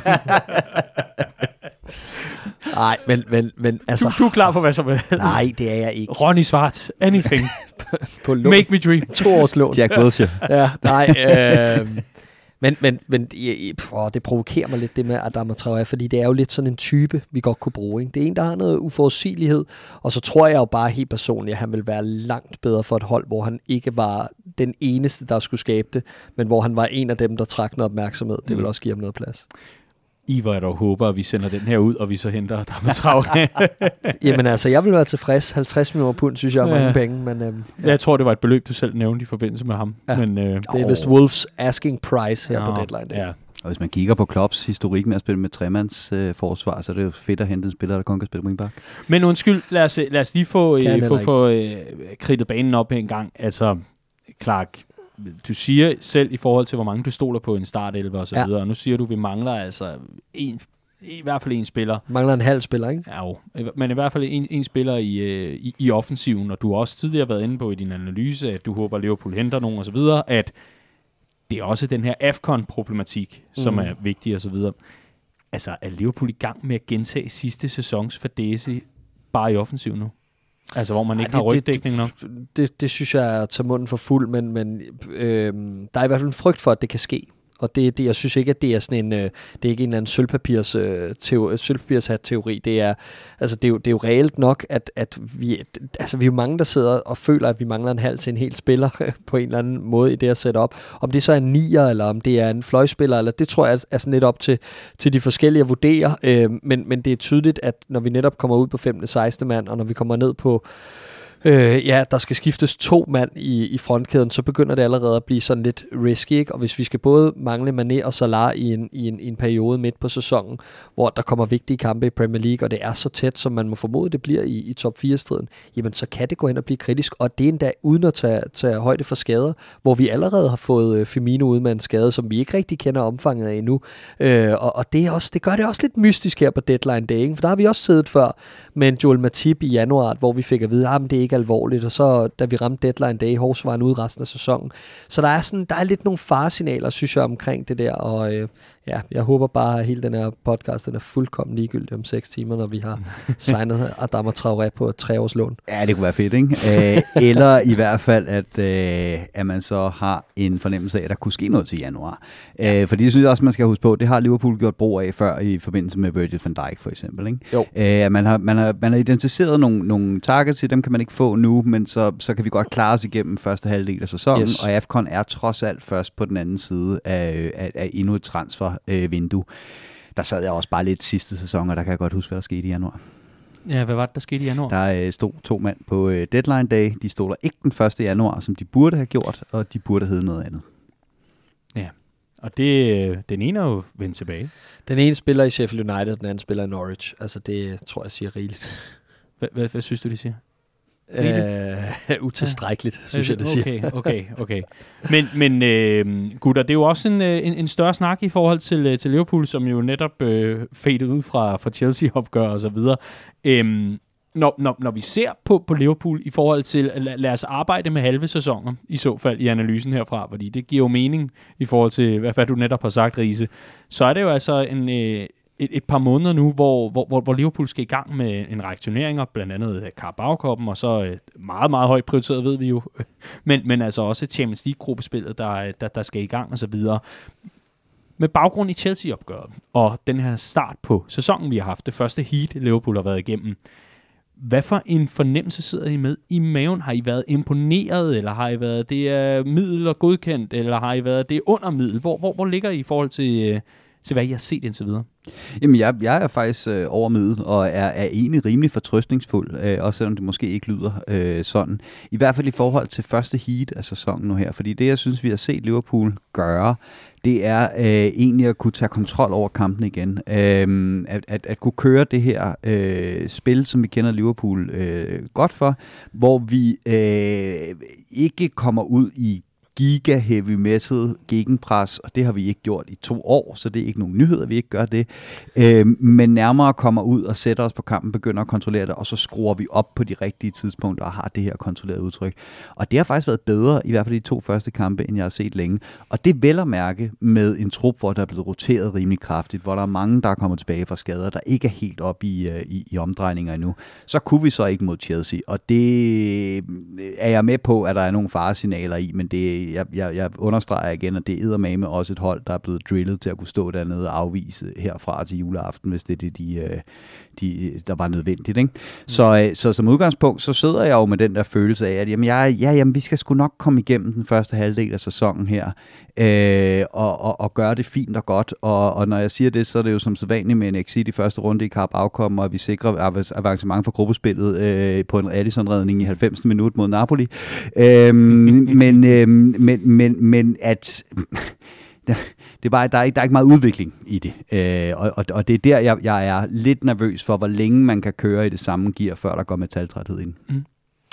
Nå, men jeg er samme sted som Riese i forhold til, at jeg synes også, det har været, jeg synes nok, det har været mere end over middel. Jeg synes, vi har været gode, og jeg synes, jeg kan kende Liverpool igen. Det er, vi har det udtryk, øh, som, som jeg har savnet hele sidste sæson, og som øh, bærer præg af, at Virgil van Dijk er tilbage i den bagkæde, og jeg synes, han ser skarpere ud for hver uge, der går og det øh, gør også mig fortrøstningsfuld. Øh, min frygt er, at øh, mange af de her spillere, som har været hårdt belastet og hårdt, øh, eller hårdt prøvet af skader i det sidste års tid, når de bliver hårdere belastet her over den næste måneds tid med europæisk fodbold, kopturnering osv., hvad sker der så? Øh, og her kigger jeg jo især på det centerforsvar. Ikke? Øhm, så, så, så det er mere den bekymring, jeg har, og så, og så selvfølgelig op i frontkæden. Jeg synes jo, vi har midtbanespillere nok. Jeg synes, det er en fremragende opfindelse, som har vi Elliot, og øh, jeg har kæmpe forventninger til ham. Det kunne man også høre i sidste uges øh, øh, Copcast. Øhm, så, så det er ikke midtbanen, jeg er bekymret for. Jeg synes, vi har rigeligt med spillere derinde, og, og, og uanset om vi måtte få en eller to skader, som vi også har nu i øvrigt, med, med en James Miller, der har siddet ude, en Thiago og en Henderson, der har været sent tilbage, en Fabinho, der har været fraværende osv., så synes vi navigerer fint rundt i det. Jeg synes, vi har rigeligt med, med folk til den del. Men det er, hvis en Trent Alexander-Arnold, som jo også har startet fremragende, hvis han bliver skadet, så har vi ikke den, den fornødne gardering på en meget, meget vital position, og det kræver, at vi begynder at spille anderledes. Det er samme op i frontkæden, hvor vi har to specialister i, i Mohamed Salah og, og Sadio Mane øh, til, til at løbe dybt og til at skabe det spil, vi godt kan lide at skabe i længderetning, til at gøre Trent Alexander-Arnold bedre i hans kreative output og alt det her. Vi har en meget specifik stil, og der har vi bare nogle spillere, vi er så afhængige af, og de må bare ikke blive skadet, og det gør mig altså lidt bekymret. Øh, så det, det er mere der, jeg, jeg har den. Øh, fordi mm. hvis vi er dygtige og heldige og alt det her med, med skader, så er der ingen i, i verden, der med, med, med sund fornuft kan sige, at de er bekymrede for Liverpool, fordi vores startelver er fantastisk. Ja, altså man kan jo sige, at øh, selve grundstammen er rigtig, rigtig god, og så er det netop det der det ekstra lag, og det er udover. Men, men jeg, jeg, jeg synes måske, det er også med rette, øh, i og med, at det også er et lille jubilæum i dag. Øh, det er fire år siden, at Liverpool hentede Alex Oxlade-Chamberlain mm-hmm. på dagen i dag. Øh, og, og, og ham kan man se nærmere på. Man kan se nærmere på en, øh, en Naby Keita, man kan se nærmere på en James Milner i forhold til, nu nævner du selv, vi er rigelige med midtbanespillere, men hvor meget udviklingspotentiale er der i de midtbanespillere, vi så har til rådighed? Og du nævner lidt, at Naby Keita skal han til at omkastes eller genkastes til at være den nye Ginny, og nu var han så åbenbart helt ghost, i hvert fald mod, mod Chelsea. men, men, men, men Riese, hvad, hvad tænker du i forhold til udviklingspotentialet for Liverpool på, på de her positioner? I hvert fald bare incentralt. Øh, jamen, der er jo et, en Harvey Elliott, øh, som øh, er som en ny signing. Øh, øh, og ellers så tænker jeg, at øh, det er systemet, der igen skal bære os igennem på dem. Jeg ser ikke noget videre udviklingspotentiale i de enkelte øh, spillere, men jeg synes så også, at, at det, der bliver interessant at se, det er, øh, at, at Jürgen Klopp er jo også en type, der... Øh, der godt kan lide at udvikle på det, han har, og det kan godt være meget af det at spænde, og han er også meget utilfreds med, øh, med, med transfervinduet osv. Men jeg synes netop, at vi har for eksempel set den her dynamik, det giver, når han har Elliot ligger og falder ud til højre øh, og leger med Salah og med, med, med Trent. Og det ser rigtig, rigtig spændende ud. Og det er sådan nogle ting, jeg godt kunne tænke mig at se udfoldet lidt mere. Hvad er planen egentlig i, i den her sæson i forhold til at lægge nye lag på det, vi så kan? øh, som fodboldhold. Fordi i sidste sæson blev det for statisk tit og ofte, det var de samme ting, vi prøvede på for ofte. Men en, en del af det at arbejde med de samme spillere øh, er jo også, at man, øh, man, man så på et tidspunkt kan have vinge af og sige, godt, nu har vi lært det her, nu går vi videre til det næste. Øhm, og der er jeg altid spændt på at se, og der synes jeg, at Jürgen Klopp er med afstand en af de bedste trænere i verden. Det der med, at han er stedig, ja, det er han også, men han er dybt undervurderet som, øh, som taktisk innovator. Øh, og det glæder jeg mig til at se, hvad han, øh, hvad, hvad, hvad han har i godteposen til os, for jeg er sikker på, at der nok skal være noget, der udfolder sig mm. her hen over, øh, hen over efteråret. Hvad med sådan en som Curtis Jones? Ja, jeg sad faktisk lige og tænkte på ham. Øh, det bliver lidt spændende at se, hvor han er henne. Øh, Aston Villa? Jamen, der har jo været sådan lidt løse rygter om en lejeaftale og sådan noget. Det synes ja. jeg ikke vil give mening. Og, Ej, i det hele det taget, så, ikke. og i det hele taget, så har jeg det sådan med, med, altså med den konklusion, der er omkring midtbanen, som er gået fra, at vi har, vi har akut brug for en Gini Wijnaldum-erstatning til, at det har vi faktisk ikke. Vi har en masse spændende typer og, og en, en, en masse sådan... Øh, øh, gardering på de forskel, i de forskellige roller og sådan noget. Jeg synes, det er et af de steder, vi faktisk har vist os at være mest fleksible. Måske mangler vi egentlig bare mest af alt en, en gardering for Fabinho, når han ikke er klar øh, på sekserpositionen. Øh, men det vil være hul i hovedet at begynde at skille sig af med flere derinde. Øh, om det så er en Oxlade Chamberlain, eller en Curtis Jones, eller hvad de hedder, det synes jeg ikke vil være løsningen lige nu. Lad os se det an til januar. Der er ikke særlig lang tid til, og der kommer mange kampe. Der er ingen grund til at udsætte os selv mere og lave en, lave en loveren, øh, havde jeg sagt, og, og, og køre med halve løsninger. Lad os bare have den gardering derinde, og så, øh, så se, hvad det bliver til. Curtis Jones, jeg var mega sådan opløftet over hans, hans niveau, især i på den store scene sidste år. Jeg synes, han, han løftede sit spil i Champions League, når det gik hurtigt og sådan nogle ting. Og det synes jeg gav noget at bygge, altså bygge frem mod. Men jeg har også bare, jeg synes også bare, der har været for meget boldflytteri. Han er jo den type, der skal tage noget risiko, ligesom en Harvey Elliott. Og det handler om at finde den rette balance på det der, når du er en del af et klophold. Fordi mm. du må ikke lave de fejl, som vi snakker om, at Harvey Elliott netop ikke laver lige nu. Øh, og det har han heller ikke gjort, Curtis Jones, men han har bare taget en del af det, han var så dygtig til på uholdet. Nemlig at være det der, den der x-faktor, og have det der uforudsigelige, det råd hans spil. Så han blev sgu lidt for kedelig til sidst, og det tror jeg, han betaler prisen for mm. her indledningsvis i sæsonen. Jeg kunne godt tænke mig at høre dig, Riese, i, øh, i forhold til det, du nævnte før, med at øh, det er rigtig, rigtig spændende, hvad Jürgen Klopp har i, i senere at gøre med en Harvey Elliott. Det åbner for nogle andre muligheder i forhold til, til Liverpools spil, når, når han kan trække ud, og Trent kan trække frem og blive central osv.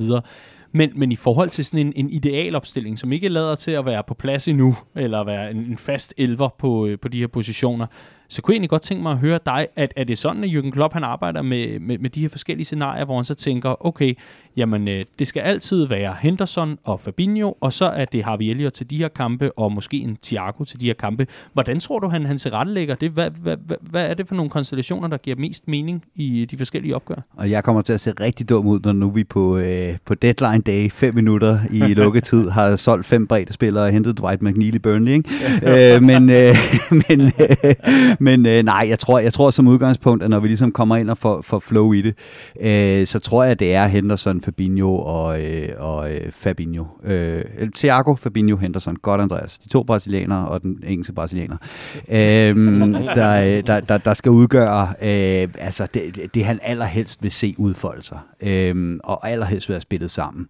Øh, og så tror jeg, at, øh, at det vi jo egentlig har set rigtig meget i de sidste sæsoner under Jørgen Klopp, det er jo netop, at vores midtbane har været ret interchangeable. Altså det er der, der er blevet roteret. De tre forreste plejer at starte, de øh, fem bagerste plejer at starte uden alt for store rotationer, og så bliver der ellers roteret på midtbanen, for det er også det, der bliver løbet flest, mest, flest meter, når, øh, når Liverpool mm. spiller. Og når vi begynder at ramme øh, der, hvor vi både spiller Premier League og Champions League, øh, så tror jeg, at vi vil se en del rotationer, men jeg tror oven i Klopps hoved, ja, der er det de tre, der er, mm. øh, der er øh, den, den, den stærkeste midtbane startelver. Er det, øh, er det også den stærkeste midtbanekonstellation, du kan komme i tanke om lige nu, Clark?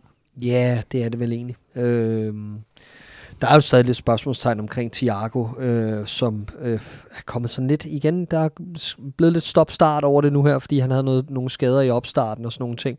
Sluttede jo fænomenalt af sidste år. Øh, startede godt i sine første to kampe sidste år mod Chelsea på udebane i den kamp, hvor vi var en mand i overtal i en halvleg og faktisk vandt.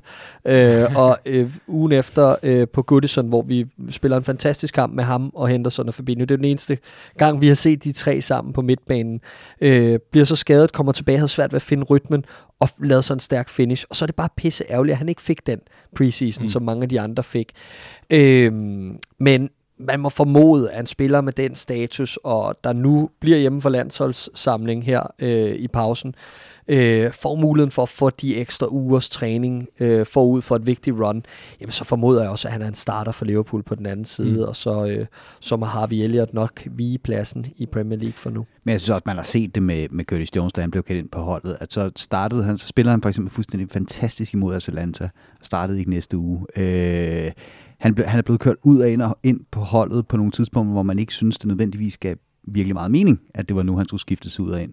Øh, og sådan er det lidt med Klopp og de her unge spillere. Ikke? Altså, vi vil helst ikke læne os op af dem. Vi skal helst ikke være afhængige af dem. De skal også tages ud af rampelyset en gang imellem. Øh, og der tror jeg, at, at, at rutinen for Jürgen Klopp er enormt vigtig på den her, øh, den her midtbane, og den er også meget vigtig for det her kontrollerede udtryk, og, og at der skal begås så få fejl øh, inde i maskinrummet, for det bliver har vi ikke, med, ikke ved med ikke at begå. Så Jürgen Klopp og øh, den sportslige stab er så vidt vi, vi lige kan se udefra i hvert fald, klar til at gå ind til en ny sæson med det, man har. Man har den defensive øh, forstærkning i øh, Ibrahima Konate, som står klar sammen med øh, Joe Gomez til at aflaste øh, Matip og Van Dijk, hvis der måtte være det mindste overhovedet. Og så også en Gomez, der skal ud og spille på hvilken bak? Begge baks, tror jeg. Begge men, øh, baks. Men primært højre bak. Primært højre bak. Sådan, han er tilbage. Men, men øh, jeg kunne egentlig godt tænke mig at høre, altså han, han tænker, nu kører vi måske frem til januar, og så hele AFCON-problematikken, og i forhold til den her liste af spillere, som kunne være interessante. Vil det bare være øh, Jürgen Klopps, øh, hvad kan man sige, strategi, at man så tænker, jamen så er det 1. januar, godt, jamen så står der den her offensiv forstærkning klar, som kan vikariere. Jeg ved det ærligt talt ikke. Altså, nej, nej, det er også et gætværk. Jo. Ja, ja vi, vi, vi er nok klogere om et par timer. Er du øh, sindssygt, hvis du, altså, hvis du havde vidst det, så har jeg ikke ventet i 53 minutter med altså, at nå frem til det, vel? Nej, men det er jo det. Nej, men, øh, men jeg vil sige, at øh, det, det er meget... Øh, det, det er en meget logisk øh, tanke i hvert fald, at, at det godt kunne være sådan, man gjorde det. Øh, også fordi øh, med, med, med snak om alt det med cashflow og så videre, vi, vi er noget tættere på at vide, hvad for en verden det er, vi kigger ind i, og øh, hvor vi er henne med hensyn til tilskuer på stadion og alt det her. Man har haft et, et lille halvt års tid øh, mm. med, med mere normalisering og alt det her. Så jeg tror også fra et økonomisk perspektiv vil, øh, vil ejerkredsen nok, øh, nok gerne have det her efterår med. Men, øh, men, men meget bliver også afgjort af, hvad er det for nogle skader, vi får hen over efteråret? Hvad er det for en position, vi står i, når vi når januar og alt det her? Fordi mm. ellers så, øh, så tror jeg, man vil have det fint med at vente frem til, til sommer, hvis, øh, hvis ikke det er helt galt. Men der var jo altså meldinger i forbindelse med vintertransfervinduet, da det lukkede så få dage efter, jamen så var det altså, og generelt i tiden efter, var det, var det bare den her melding om, bare rolig, men ejerne er klar til sommer. Det er altså til der, sommer bliver det er det til så vildt. sommer. Ja. Next summer is our summer. Ja, ja, det er det, der, det, er det, der er lidt bekymrende. Ja, Ja. trættende. Øh, det er, at, at øh, man synes, man har hørt det før. Ja, og det bliver man træt af. det er i hvert fald an- analysen her. Det er jo, øh, det er jo enormt øh, in- interessant her, hvad... Øh, hvis vi, øh, hvis vi lige rykker, øh, rykker ud en gang fra, øh, fra transfersnak og Liverpools rekruttering og hvordan det ser ud trupmæssigt osv., og, og så ser nærmere på noget, der også er sket. Vi har jo altså øh, næsten landet alle de forlængelser, som vi, vi omtalte til de nøglespillere og vigtige spillere, som, øh, som man havde planlagt den her sommer. Den seneste i rækken, det er altså Jordan Henderson i dag tirsdag, som øh, på transfer deadline days sidste dag får forlænget sin kontrakt med Liverpool, og det er sådan en kontraktlængde, der går frem til 2025, hvilket betyder, at han er 35 på det tidspunkt, at Mm. mm. kontrakten er løbet ud. Riese, hvad skal man lægge i, at Liverpool offentliggør den forlængelse på sidste deadline day, eller på den sidste dag i transfervinduet? Det er næsten ligesom om, de godt vil have os til at snakke om noget andet end, øh, end transfervinduet. Ikke? Ej, tror du? Øhm, Nå, det tror du alligevel. ja, jeg tror, ikke, det, jeg tror ikke, det er tilfældigt. Lad os sige det på den Nå, måde. okay, men det er, jo, det er jo fordi, det er en ny signing, må man forstå. Ja. Ja. Og lur mig om ikke øh, forlængelsen til Mohamed Salah lander i morgen, som er onsdag den 1. september. Ja, og så er man altså færdig med den her øh, forlængelsesparade, som man i hvert fald har, har forberedt meget. Der mangler vist stadig en Sadio Mane og noget Firmino på den front, eller hvad? Jeg tror ikke Firmino er i pipeline, Ah, og Sadio nej. Mane er vist lidt op at vende. Ja, det kunne man jo godt forestille sig. Men, men øh, så er man i hvert fald igennem øh, den del, må man sige, og det er også relevant at, at få med. Har vi nogle tanker omkring Michael Edwards øh, exit? Og måske, måske lige et par ord i så fald, hvis han er i gang med sin sidste sæson, hvad han har betydet, og hvad han har været en del af. Nå, men jeg synes, I, der er... I en historisk kontekst. Ja, ja, nå, det er jo 10 år, han har været. Ja, og det, det er jo, hvad er det, siden 16, at han steppede op som, uh, cirka da Klopp to år, steppede han op som sportsdirektør, ikke? og fik, det, fik hovedansvaret for, for at forhandle kontrakter og, øh, og, og, og hente ind. Jeg mener, ham Julian Ward, som du nævner tidligere, mm. har stået meget for det her øh, udlejning af, af spillere og hele, hele lejesystemet i Liverpool, mens Edwards har taget sig af de permanente transfers.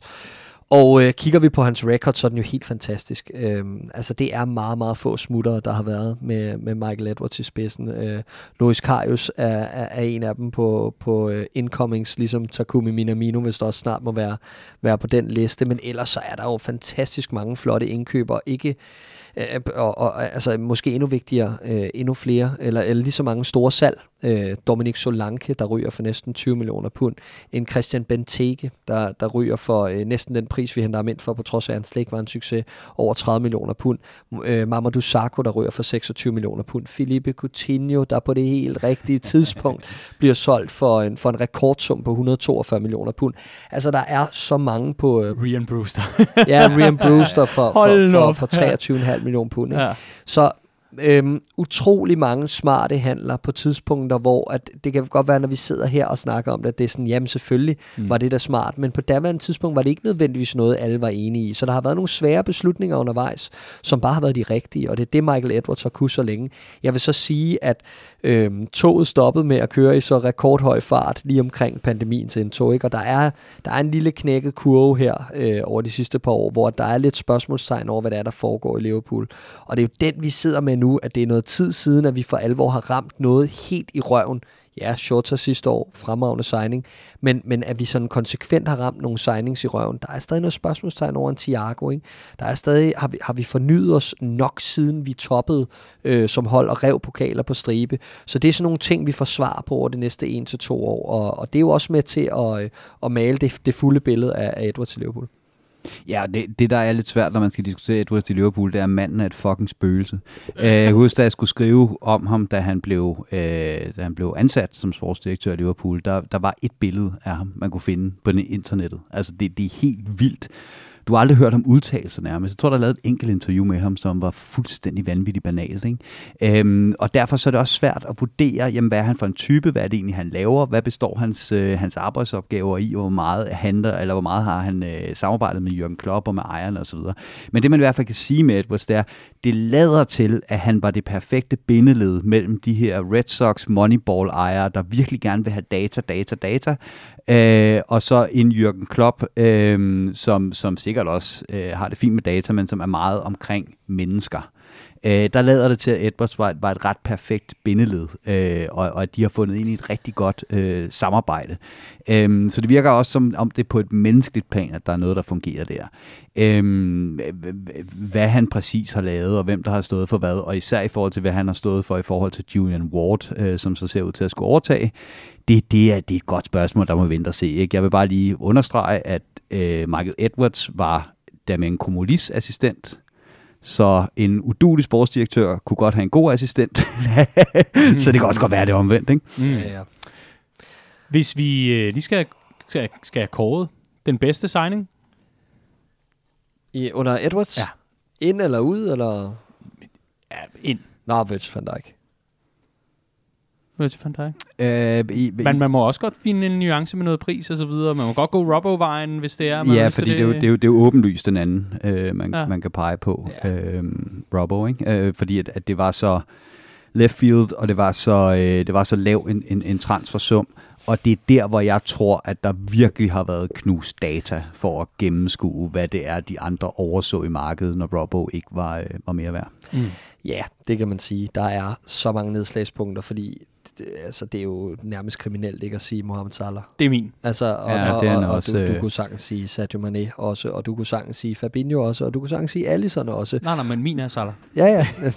men, men jeg mener bare, at, at, du kan finde argumenter for dem alle sammen, fordi de løste så vigtige udfordringer for det her hold, øh, hvis vi skulle tage skridtet i retning af måden, vi gerne vil spille på. Og Fabinho for eksempel kommer ind på et tidspunkt, hvor vi lige har tabt Champions League-finalen, og hvor det er sådan, hvordan tager det her hold næste skridt? Jamen, vi skulle have den prop på han, midtbanen. Han bliver jo ofte nævnt som, sådan, det er min yndlingstransfer, er der flere, der siger. Mm. Forstå mig ret, det er ikke det, min, den, den ønskespiller, jeg fik ind, eller på den måde, men jeg elskede, at jeg intet vidste, og det kom ud ja. af det blå. Jeg elskede at blive overrasket på og den det, måde. Og det var, og det der, mange, der og det var der, det startede meget. Ja. Det var faktisk, ja. det, var, det var lige et halvt år for inden, da Virgil van Dijk bliver præsenteret.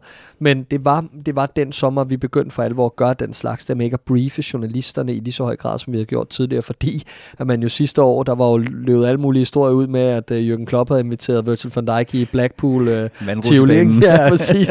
uh, og, og der var lidt for meget åbenlyst fløt med transfermål, som, som faktisk spændte ben for en, for en Liverpool-transfer for Van Dijk den sommer. Øhm, og det gjorde også, at vi må betale en premium øh, i, i vintervinduet mm. for ham, og, og den pris på 50 millioner pund, der blev nævnt om sommeren, blev til 75 om, om vinteren, ikke? Og, og, og så lagde man ligesom, man sadlede om, og, øh, og jeg synes også, det klæder os, at vi er, der er blevet mere lukket omkring øh, hele bæksen, men det gør det også bare så meget mere frustrerende, når, når der så ikke sker noget her til sidst. Man sidder og vil gerne have det der løse rygte, ikke? Øh, men, øh, men, men alt i alt, så synes jeg sgu, jeg, jeg, jeg kan meget bedre lide det Liverpool, som Edwards efterlader, end det han trådte ind i. Mm.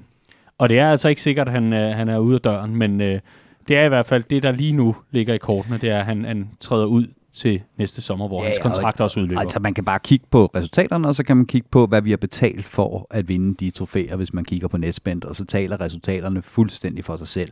Den eneste bekymring, der er, det er det, man også så i Tottenham. Det var ikke så meget, at der, øh, at der blev solgt de, de store spillere, det var, der blev for langt til døren. Altså at dem, man gerne ville af med, kunne man ikke komme af med, fordi Daniel Levy sad med en prissætning, som han nægtede at gå på kompromis med. Og det er de spor, der skræmmer mig en lille smule. Og seneste eksempel på det er jo netop fra i dag, hvor der sidder en, en Dombele med kæmpe attitudeproblemer nede i London, og øh, tydeligvis ikke skal spille for Tottenham. Og øh, man kræver stadig den sum, man købte ham for øh, af, af potentielle klubber. Ikke? Så det er, jo, det, det er jo netop det, der er udfordringen, og det er mm. det, vi er bange for, vi brænder ind med, med for mange brede spillere for eksempel. Mm. Det er... Øh gået fra at være en meget, meget interessant og øh, dramatisk dag til at være meget, meget kedeligt at lave deadline dag. Så vi, øh, vi er altså hoppet fra det igen, vil, vil jeg sige. Øh, men men øh, interessant skal det alligevel blive at se, om øh, vi skal til at lave sær- og ekstra udsendelser og specials, og jeg skal ellers øh, komme efter jer. Det, øh, det, det kunne være lidt sjovt, trods alt. Jeg håber at blive brændt fuldstændig af i min inbox på Twitter, fordi den her øh, podcast udkommer. Og så den totalt åndssvær at høre på, fordi at Liverpool har købt fire spillere på deadline dag. Hvis vi henter en, Mhm. hvem henter vi? Det er den ultimative, hvad sagde jeg, mulighed det her. Ja, det er det. Det er det. Øhm, det ved jeg. Det, det, det, pas. Jeg ved det simpelthen ikke. Fordi det, det er et eller andet til offensiven. Øhm, ja, men, men pas. Du sidder med et bud derovre. Nej, det gør jeg ikke. Jeg svømmer lidt mellem to navne, faktisk. Ja. Øh, jeg holder stadig fat i uh, Jeremy Doku fra Ja, Rennes, ja. som jeg, jeg godt kunne se være en, være en transfer. Men ellers så synes jeg, der, der ah, jeg, ved, jeg ved sgu ikke, øh, synes bare, jeg, jeg, jeg synes, der er lidt mystik om ham, Callum Hudson-Odoi. I Chelsea. Øhm, ja, en spiller, der har været på vores Mm. øh, ønskeliste før, men formentlig bliver, bliver for dyr. Mm. Ingen Jared Bowen. Forhåbentlig ikke. altså, jeg, jeg ved ikke, hvorfor jeg bliver så depressed over Jared Bowen. Jeg har det sådan, hver gang jeg ser det navn, så er det sådan, så vil jeg fandme hellere beholde Origi. Bare for historien. Så lad ham da kæmpe sig tilbage. Altså, så æder jeg alle ord omkring, at han bliver og kæmper for sin plads. Ja, bliv. Uh, du kan se det. Kæmper Det er, tilbage det er baghjul. direkte switch, Nat Phillips, og så Bone den anden vej, ikke? Nej, nej, nej. Hvad, hvad nu? Nej. Humøret er højt her i Copcast-studiet, hvor vi øh, rykker øh, videre fra øh, transferspekulationer, som vi øh, absolut intet, ingen begreb har om i forhold til, hvad, hvad der kommer til at ske. Men øh, over til øh, en lodtrækning, der var rigtig interessant i den forgangne uge. Liverpools øh, Champions League-gruppe, hvor vi altså havnede i gruppe med Atletico Madrid, FC Porto og AC Milan. Rise, kan du lide puljen? Ja, det kan jeg godt.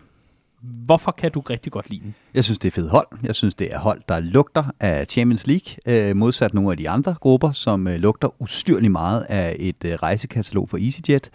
øhm, og, øh, og jeg synes også, det hold, der, der står udmærket til os. Altså, jeg ved godt, folk vil pege på den der Atletico Madrid øh, øh, sidste gang, vi mødte dem. Mm. Vi var tusind gange bedre end Atletico Madrid. Havde det ikke været for den spanske tankpasser, så havde vi reddet Atletico Madrid over.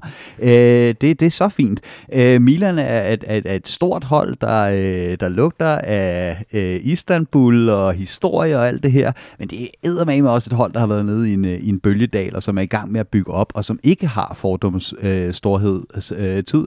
Og, og, og for fanden altså selv Origi scorer jo mod FC Porto, ikke? Altså det er, det er fantastisk.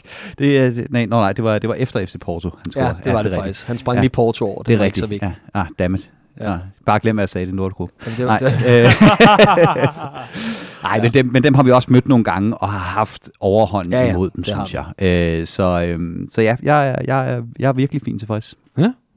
Jamen, jeg har det fuldstændig på samme måde. Jeg synes, det stinker af, af klasse, og hvad er det, der er? De, hvad var det 15 trofæer, 15 Champions League trofæer, der er indbyrdes mellem, øh, mellem holdene i, i, i, i gruppen. Så det er også, øh, der, der er ligesom noget, noget stjernestøv over det, og, øh, og ja, så, så kan jeg bare godt lide det her med, når, når der også er lidt, øh, øh, når det ikke bliver sådan en gruppe, hvor man falder lidt i søvn hen over efteråret. Altså jeg tror virkelig, der skal fightes for at komme videre for den her gruppe. Jeg er rimelig fortrøstningsfuld i forhold til vores chancer, men det er ingen walkover, og, og det kræver, at der kommer nogle, nogle, øh, nogle højdepunkter hen over det her efterår i Champions League for vores vedkommende, før vi kan gå videre. Og det minder mig lidt om det år, hvor vi vandt faktisk med den pulje med PSG og Napoli blandt andet, hvor vi var nødt til at op os hjemme mod PSG for eksempel. Vi var nødt til at levere i den, i den sidste puljekamp mod Napoli, hvor, hvor Allison disker op med den her redning, du har omtalt så mange gange, Andreas. Øhm, og det kan jeg godt lide, for det holder os lidt på tæerne, det gør også, at, at Champions League i efteråret ikke bare bliver sådan en, sådan en sidegeschæft, men det bliver, det bliver en prioritet. Så øh, jeg glæder mig enormt meget, og jeg håber da, at jeg, jeg får muligheden for at komme ind og se en kamp eller to. Og så er det nemlig tre fede aways, ikke? Jo, altså, helt øj, vildt. hvor gad jeg godt med på alle de tre aways. Det er sådan noget andet end Ludogorets. Ikke et ondt ord om Ludogorets har aldrig været der, men jeg forestiller mig, at øh, både Porto, Milan og, øh, øh, og Madrid er federe fodboldbyer. Skal du ikke bare med? Jo jo, gerne. Copcast Away? Ja. Copcast European Away. Tre særafsnit bragt i samarbejde, måske med EasyJet, jeg ved det ikke. det kunne godt være, at vi skulle lave noget partnerskab der. Jeg skulle bare til at betale selv.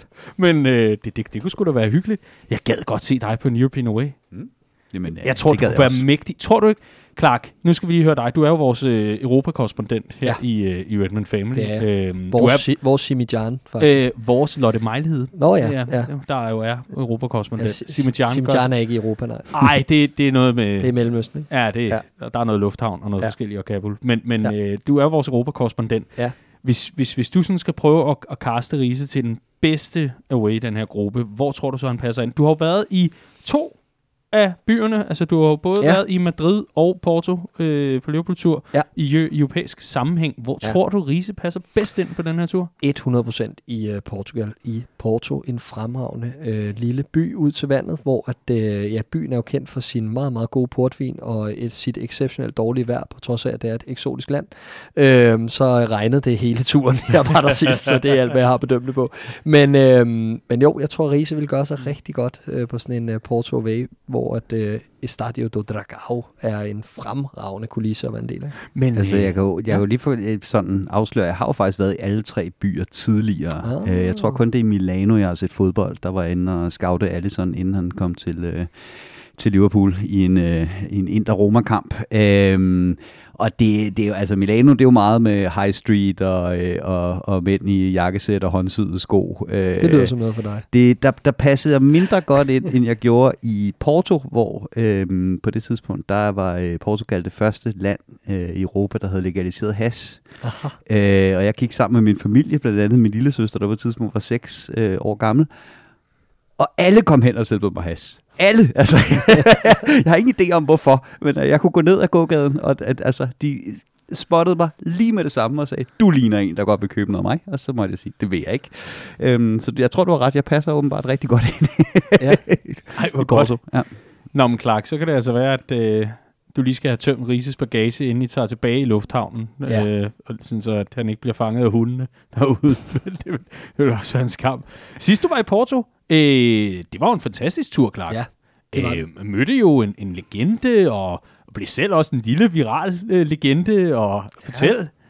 Jamen, øh, det var til øh, det var faktisk omkring Valentinsdag i 2018, hvor øh, Liverpool jo spillede udkamp i Porto, sjovt nok, øh, og vandt 5-0 i det første opgør. Øh, blandt andet takket være et hat af Sadio Mane. Øhm, og øh, ja, og i optakten til kampen, som sagt, det regnede hele turen, men vi fandt en rigtig hyggelig lille irsk pop øh, nede i nærheden af havnen, hvor at, øh, vi efter et rigtig fint portvinseventyr hen over eftermiddagen bevægede os ned, og øh, havde en fantastisk aften sammen med en masse af, af de skavser, der altså var, var rejst til byen. Og det, der er fedt ved de her ways, det er jo, at det er ofte dagen før kamp, at man har sådan en hyggelig stund, fordi der er der sådan et frit spil i forhold til at mm. komme ud og hygge sig og nyde byen og se, hvad den har at byde på.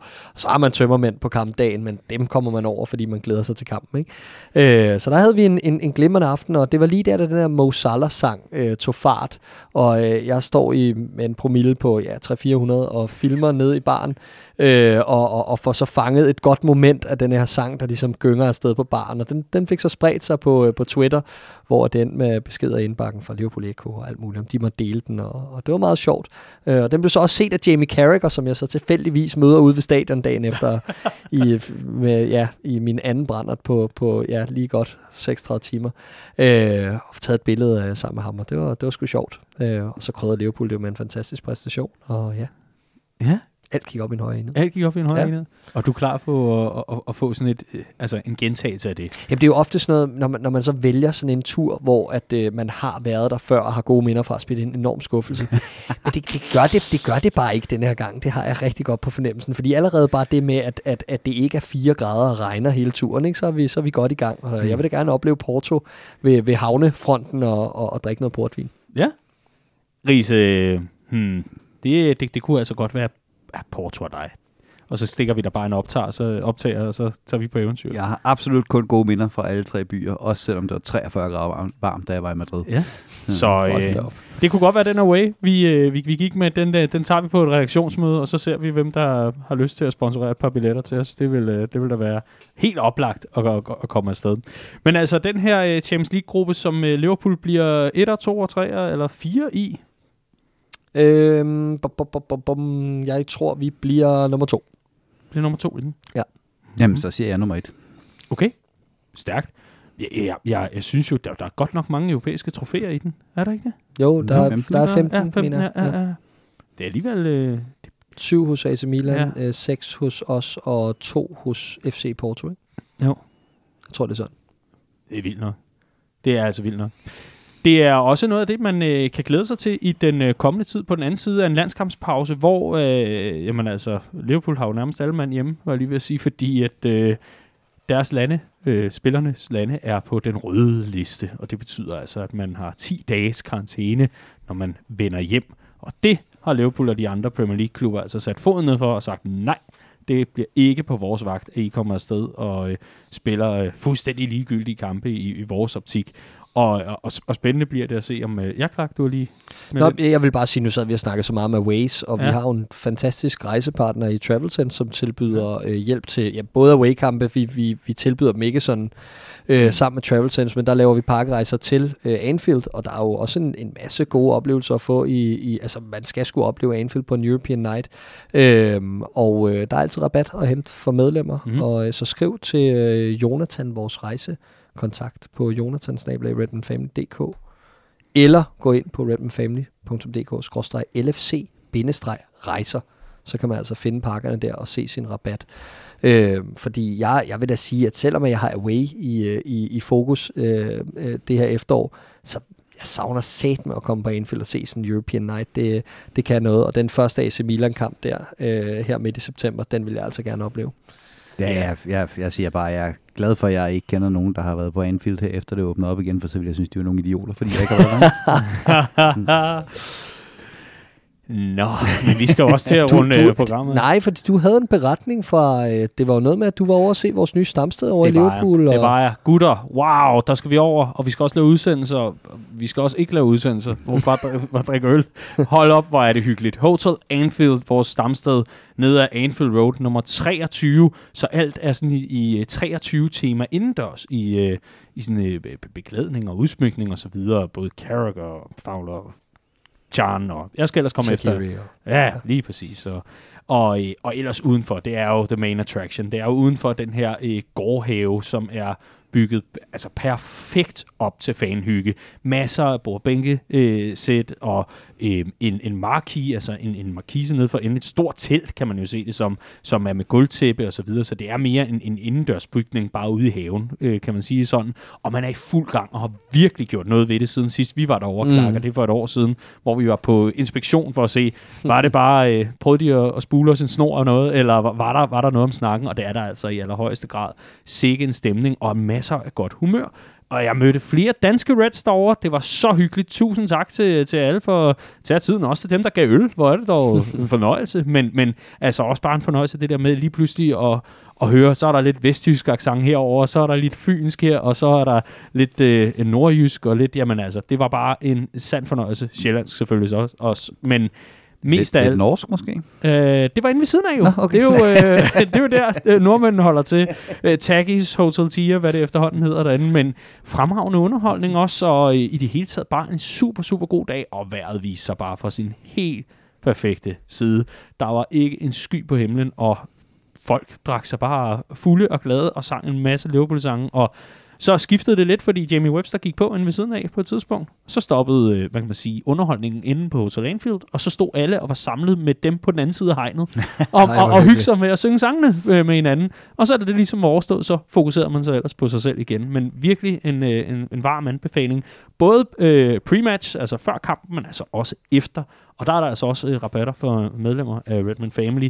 Man kan både lige vise medlemskortet, men man kan også bare sige, hey, Redman Family, og så ved de, hvad det handler om. Øhm, det fik vi brugt, og øh, det var godt, og nu er stemmen nogenlunde tilbage igen efter en, øh, en fremragende tur. Det, øh, det bliver Fedt. så godt.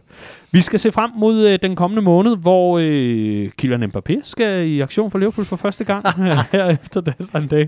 Men øh, hvis vi skal se frem mod en måned, der blandt øh, andet byder på en, en række øh, spændende opgør. Jeg glæder mig til at se øh, Liverpool øh, mod Leeds på Ellen Road. Det bliver sjovt, og det bliver øh, spændende. AC Milan hjemme på Anfield. Vi øh, skal også en tur til Brentford. Det bliver også meget sjovt at se, hvad Liverpool kan gøre med den her danskerkoloni. Og så er der altså den her away, hvor øh, Riese allerede nu er i fuld gang, kan jeg se, med at booke billet ind på EasyJet for at komme afsted til Porto. Spændende bliver det i hvert fald. I midten af det hele, der ligger der et opgør, og det ligger fuldstændig perfekt. Det ligger nemlig på en lørdag. Det er hjemmebanekampen mod Crystal Palace. Og i den forbindelse, der har vi altså et fremragende arrangement. Vi har faktisk to på Sjælland. Vi har et først og fremmest i Roskilde, hvor man har øh, fra styregruppens side, har man hyret band, så der kommer simpelthen live musik, der kommer og spille. De hedder Underdogs. Og det er jo ligesom Liverpool, der ikke henter nogen. Så det er jo, det er jo helt perfekt. Det er jo lige i temaet, Riese. Men øh, de kommer og spiller live musik med flere Liverpool-numre blandt andet. Så det er altså ikke, fordi man skal høre den røde gummibåd en hel aften eller noget. Det er altså også med Liverpool-sangen. Og der er der altså øh, masser af hygge og leg og så videre, og man kan gå ind på øh, redmanfamily.dk, og så under afdelinger, der ligger sådan en knap, der hedder events, og der kan man finde det og melde sig til og, og være med der. Og så er der et andet arrangement, også på Sjælland. Det er meget Sjælland-nyt her. Vi øh, rykker øh, videre vestpå lidt senere, det lover jeg. Men øh, der er opstartsfest i Redman Family Slagelse. Endelig, endelig, endelig er der Fedt. den store åbnings øh, opstartsfest i øh, vores øh, afdeling, som altså lige præcis noget at sige, hej, vi er den nye afdeling i øh, Redman Family, vi holder til i Slagelse, og så sagde verden, hej, vi har corona, og så var der ellers nedlukket. Men øh, der er altså stor opstartsfest, den skal jeg med til. Det bliver øh, enormt hyggeligt. Jeg har øh, booket togbilletten, og øh, jeg glæder mig øh, virkelig meget til en, en, en dag, hvor der er altså spisning, helstegt pattegris, fri fadel, øh, konkurrencer og gæster øh, og meget, meget mere. Og så altså også kampvisning, og den kan man også finde, øh, den her begivenhed, det her event, kan man finde inde på redmanfamily.dk igen, skråstreg afdelinger, og så gå ind, finde den under events, og øh, så ellers melde sig til. Der er stadig pladser, øh, skulle, jeg, skulle jeg mene. Tilmeldingsfristen er altså 6. Øh, september på, øh, på det her arrangement, men øh, det skal også blive enormt hyggeligt. Og sidst, men ikke mindst, så har vi altså i øh, Redman Family øh, Regio vores, øh, må man sige, det er jo øh, en, en af de ældste øh, i, øh, i sammenhængen her i hvert fald, øh, afdelinger i Liverpool Fan Club Odense, som holder deres legendariske sommerfest. Riese, der kunne jeg se, du lyste fuldstændig op der. Jamen, det har altid været nogle dejlige dage derovre, ikke? Jo, det har det da i allerhøjeste grad. Hva, hvor, hvor mange gange har vi været afsted? Tre-fire gange? Ja, passer meget godt. Ja. ja. Det er sgu altid en fornøjelse. Det er der nogen grund til, at jeg ikke kan huske det. ja, samme. samme. Har, har du en god anekdote fra Nej, det nogen? Jeg kan huske, at vi var virkelig sent hjemme sidste gang. Den har været halv syv om morgenen, tidlig hjemme, kan man, kan man godt sige.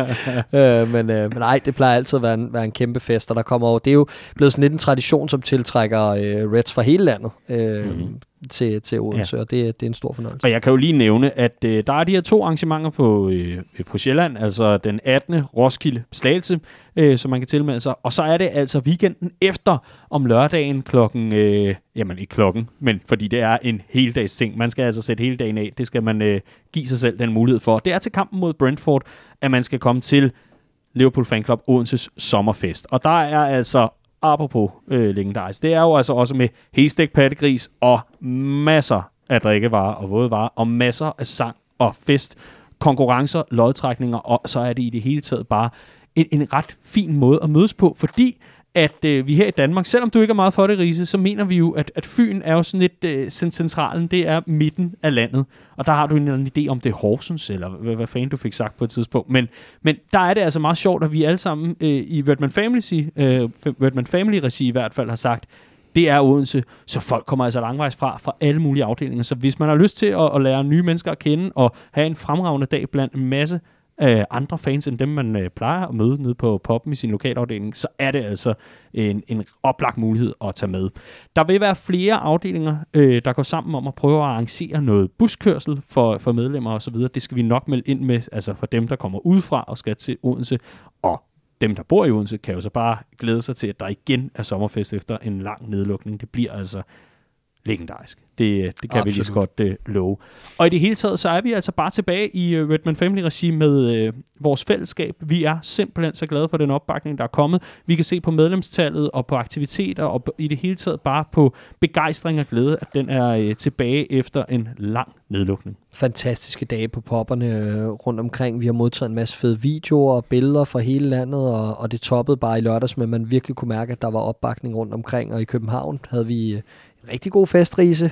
det blev også tidligt, øh, eller sent, om man vil, øh, på trods af, at resultatet ikke var, ikke var fantastisk. Men det lover bare for et godt efterår. Og nu kommer de her European Nights, hvor at nogen skal på Anfield, men andre skal også bare bevæge sig ud igen på popperne. Øh, der er nok mange derude, der har siddet været lidt forsigtige i forhold til vaccination og alt muligt andet. Og nu begynder det så småt for alvor lysne mm. for den brede del af befolkningen. Så jeg håber virkelig for folk, at, øh, at de kommer ud og får nogle oplevelser i løbet af efteråret, fordi øh, det har, jeg har i hvert fald kunne mærke på mit sådan øh, energiniveau, og hvor jeg har haft underskud, at det har virkelig været noget, der har givet noget til, til min tilværelse at komme ud igen. Og Riese, hvis man nu ikke har været afsted på, en, øh, på et popbesøg i, øh, i, i sin øh, lokalafdeling eller noget, er, er der noget, altså skal man frygte bare at stå helt alene og ikke kunne snakke med nogen, eller, eller hvordan er det lige, det foregår sådan noget? Ej, hvor er jeg glad for, at du stiller lige præcis det spørgsmål, Daniel. Ja, til dig. Øh, ja, ja, nej, det skal man absolut ikke. Øh, jeg øh, har jo selv den historie, at jeg kom øh, allerførste gang uden at kende et øje, men bare havde set, at det så hyggeligt ud dernede, hvor øh, Redman Family i København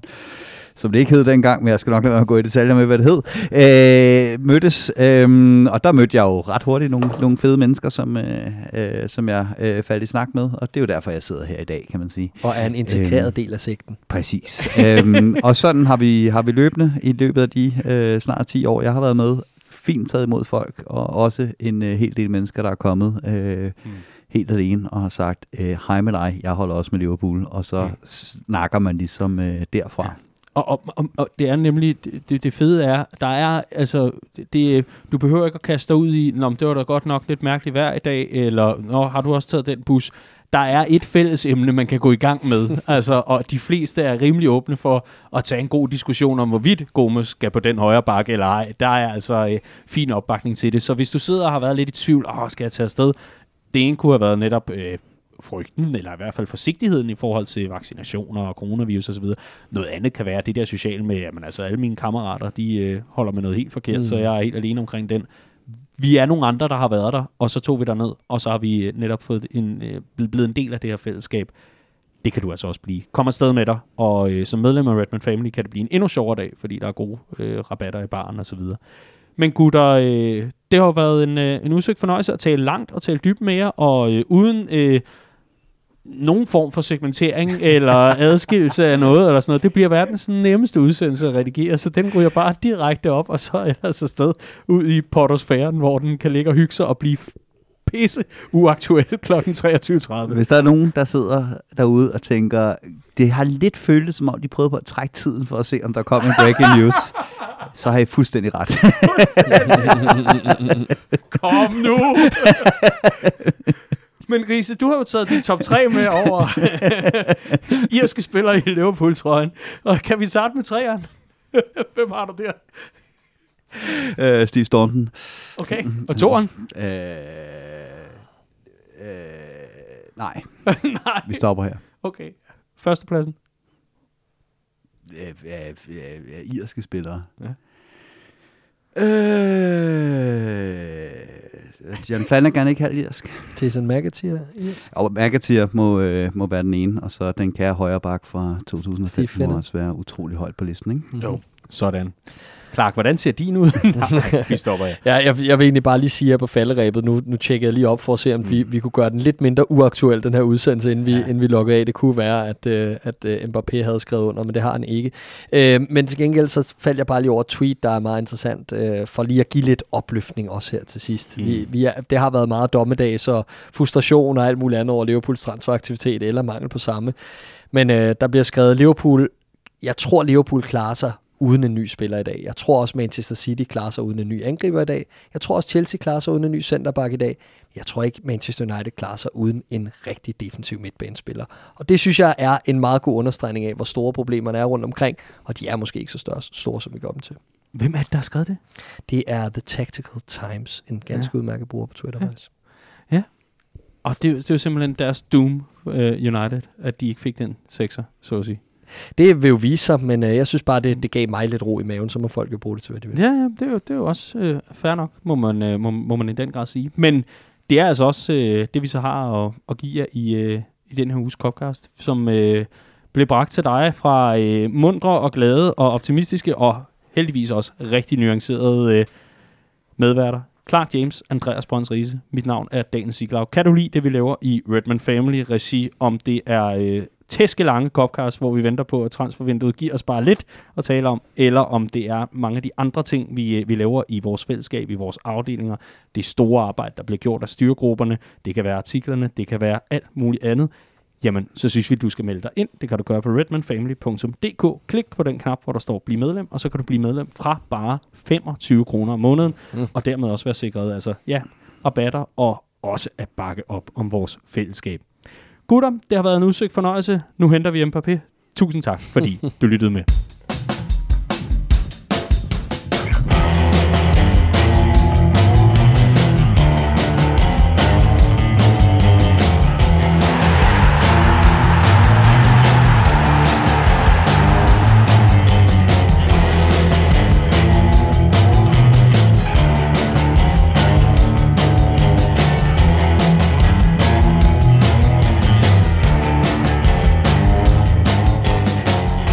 Boom.